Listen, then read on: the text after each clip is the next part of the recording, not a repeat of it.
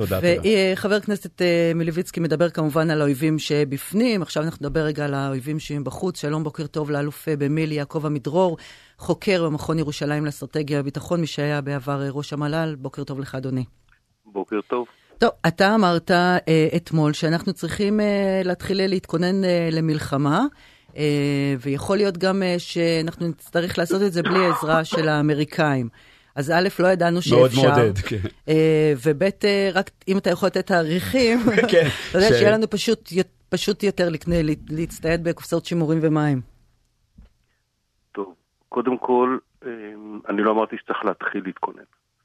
אה, צה"ל מתכונן למלחמה אה, הרבה מאוד זמן, הוא מבין שיכול להיות שאנחנו נעמוד בפני אה, לחימה לפחות בשתי חזיתות, איראן ולבנון. הוא רואה מה שחיזבאללה מכין בלבנון והוא מבין בניגוד לאנשים אחרים שהכלים שם כנראה לא יחלידו, אלא הם יבואו לידי שימוש, שחיזבאללה ירצה או שאיראן תרצה. והוא מבין שאיראן מתקרבת לנקודה שבה יכול להיות שלא תהיה ברירה אלא לתקוף אותה על מנת לעצור את תוכנית הגרעין שלה. מי שלא מבין את הדברים האלה הוא אה, חצי עיוור. ולכן לא אמרתי שצריך להתחיל להתכונן, אמרתי שצריך להתכונן. זו התכוננות מתמשכת. האם התהליך הואץ? התשובה היא כן, חיזבאללה מרגיש יותר חזק. בגלל? מכל מיני, מכל מיני סיבות. ואיראן מרגישה יותר חזקה מכל מיני סיבות. חל, חלק מזה זה זה, גם, ה... זה זה ה- גם הכיתוב כאן? המצב לא החברתי. אני, אני מציע לכם לקרוא דברים שאומר כמסיח לפי תומו אלדד בק בביקור שלו, אחרי ביקור בסעודיה. מהמם. התקשורת הסעודית לא מתעכבת על מהות הוויכוח הפנימי בישראל סביב השינויים המוצעים, אלא בשבירת הקונצנזוס סביב הצבא ושירות המילואים. הדיווחים על התפשטות הסרבנות בשורות המילואים מפורשים כפגיעה בעמוד השדרה של האחדות הישראלית ובעוצמתה הצבאית של מדינת היהודים. איומי הטייסים לא להשתתף במתקפה העתידית על איראן זכו לתשומת לב מיוחדת, סוף ציטוט. לא, לא, אדם כמסיח לפי תומו ביקר בסעודיה, דיבר עם אנשים ברחוב, עם עיתונאים ואנשים אינטליגנטים, ככה רואים את זה הסעודים, עכשיו תשאלו את עצמכם איך רואה את זה חיזבאללה.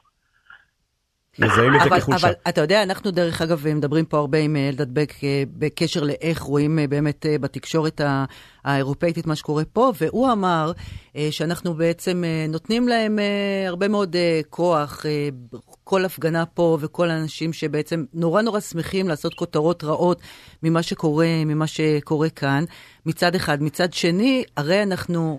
אני מניחה, יודעים אה, שביום אה, יום פקודה, ביום הדין, כולם התייצבו אה, אה, ל- לשרת במילואים. אז יש הבדל בין כותרות לבין המציאות, לא? קודם כל יש תמיד הבדל בין הכותרות למציאות, הלוואי שהעיתונות הייתה מדווחת על המציאות ולא סתם יוצרת כותרות, והיינו אז בעולם אחר. אבל על זה אני לא יכול והרבה מאוד עלייך, מובטלים, את אתה יודע. את ממש, את ממש צודקת. אבל פה יש משהו אחר. אה, תשימי לב להדגשה שלו. את הערבים, אני לא מדבר על האירופאים, זה סיפור אחר. כן. את הערבים לא מעניין הרפורמה המשפטית. אותם מעניין האמירה של טייסים שאומרים לא נתקוף באיראן, והיו טייסים שאמרו את זה, לא רבים, אבל אמרו לא נתקוף באיראן. יותר מזה, במציאות, מי שלא יבוא להתאמן לא יוכל לתקוף באיראן כי הוא לא יהיה כשיר. ולכן אה, אי אפשר להגיד, שמע, הם סתם אומרים את זה.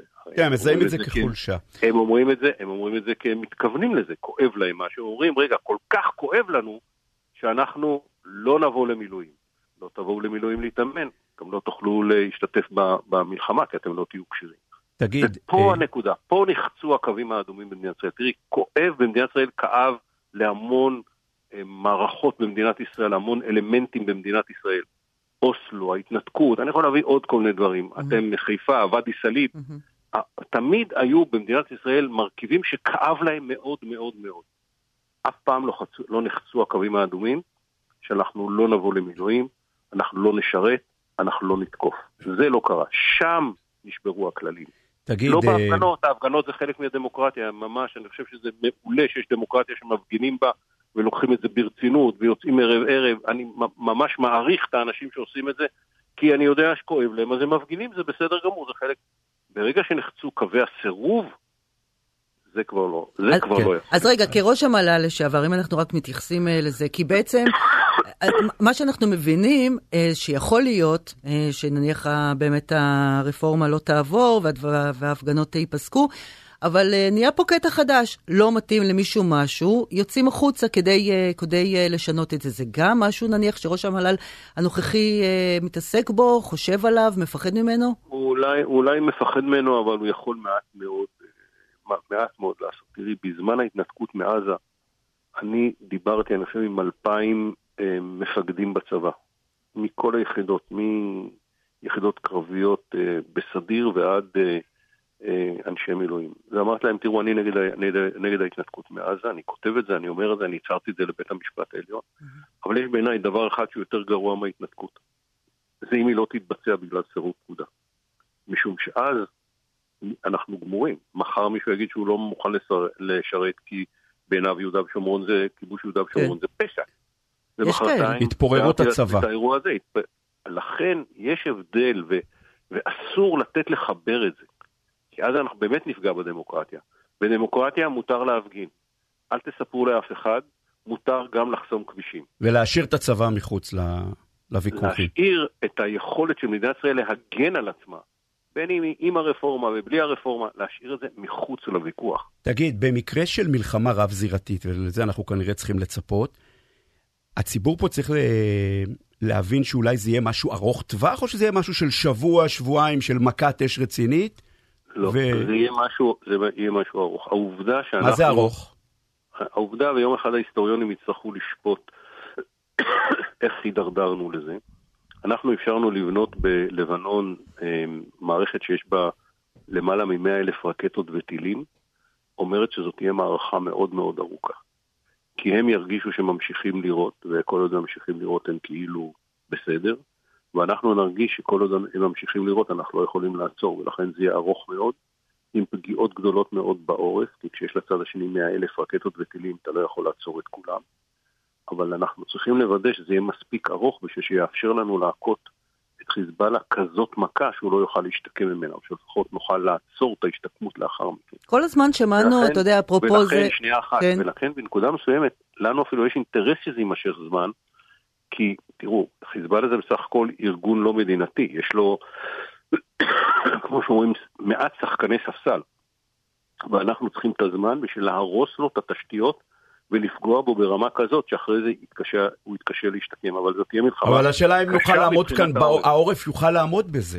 העורף, אנחנו אה, מכירים את, זוכרים את העורף, נו באמת. זאת שאלה, שאלה שאין עליה תשובה. אני מאמין גדול בחוזקו של הציבור הישראלי, ובלבד שהוא יראה הצלחה בצד השני. זאת אומרת, אם יסתבר תוך כדי הלחימה שצה"ל מגיע להישגים, העורף יהיה מוכן לסבול, האזרחים יהיו מוכנים לסבול. אם יסתבר שצה"ל מפשל, העורף ילחץ לסיים את המלחמה. למרות שאתה יודע, אני זוכרת מלחמת לבנון השנייה, אנחנו ישבנו פה באולפן הזה ובאמת אה, דיווחנו על חיילים שלא היה להם אוכל, למילואימניקים שנסעו עם... אה, והציוד. כאילו, ועדיין העורף הוא חזק, אני חושבת שבאמת... אבל אה... המלחמה הבאה, אה, ענבר, זה לא מלחמת לבנון השנייה. שמעת את מספר הטילים שהוא דיבר, וזה גם טילים מדויקים במרביתם. לא, אבל, אבל אני חושב שהדוגמה של ענבר היא מעולה. אני, אנחנו אירחנו פה ברעננה, קל לנו, היינו בעורף, אירחנו פה משפחה, ואם המשפחה אמרה לי ב, ביום של השגת, הפסקת האש, שאלה מה הושג, והסברתי לה, והיא אמרה, מה, בשביל זה הייתי פליטה 30 יום? הם היו אצלנו בערך 30 יום. בשביל זה הייתי, זאת אומרת, היא קישרה באופן מיידי וחד משמעי בין ההישג לבין הסבל שלה. אם ההישג יהיה גבוה, אנשים מוכנים לסבול. הישראלים מוכנים לסבול, הם לא מוכנים להיות סאקרים. Mm. כן. אם אם, אם הצבא יביא הישג של ממש, בשביל זה המדינה צריכה לתת לו זמן, אז הישראלים יגידו, זה היה שווה לשלם.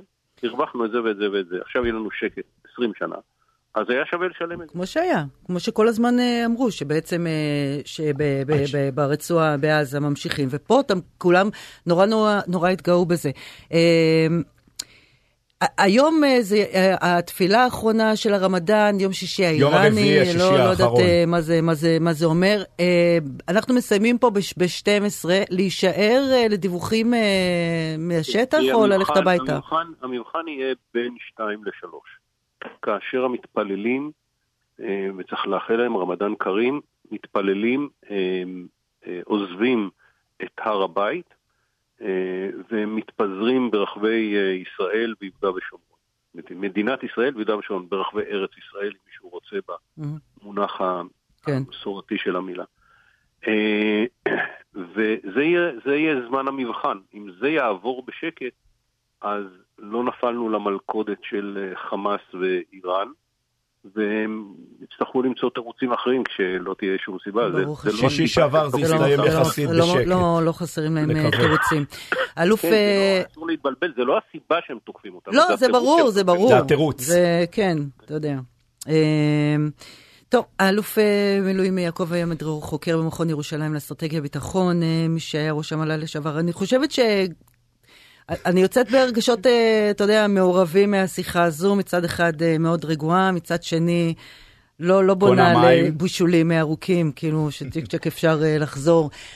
שתהיה שבת טובה, שקטה, תודה רבה על הדברים. כן, אבל ככה, תזכרי שככה אנחנו כבר למעלה מ-100 שנה. זה נכון. כן, אתה יודע. הפרעות הראשונות ביהודים היו ב-1921. אתה מדבר על מסודרות, לא מדבר על הרג של יהודים פה ושם. כן. במדינת ישראל, ברוך השם, נס עולמי. שמח כאן בשכונה הקטנה שלנו באזור. נכון. אם אנחנו נסתדר בינינו לבין עצמנו, השאר אנחנו יודעים לעשות. זה, זה בדיוק. תודה. מזה התחלנו וזה נסיים. תודה לך. תודה רבה לך, תודה שבת, רבה אה, שבת, שבת אה, שקטה. Uh, טוב, עכשיו אנחנו uh, לפרסומות, ומיד uh, אחר כך uh, שתי אמהות uh, לחיילים uh, בסדיר שהחליטו לעשות uh, מעשה יוצאות uh, uh, במיזם שקורא לנו, אמהות uh, לחיילים, להתחיל uh,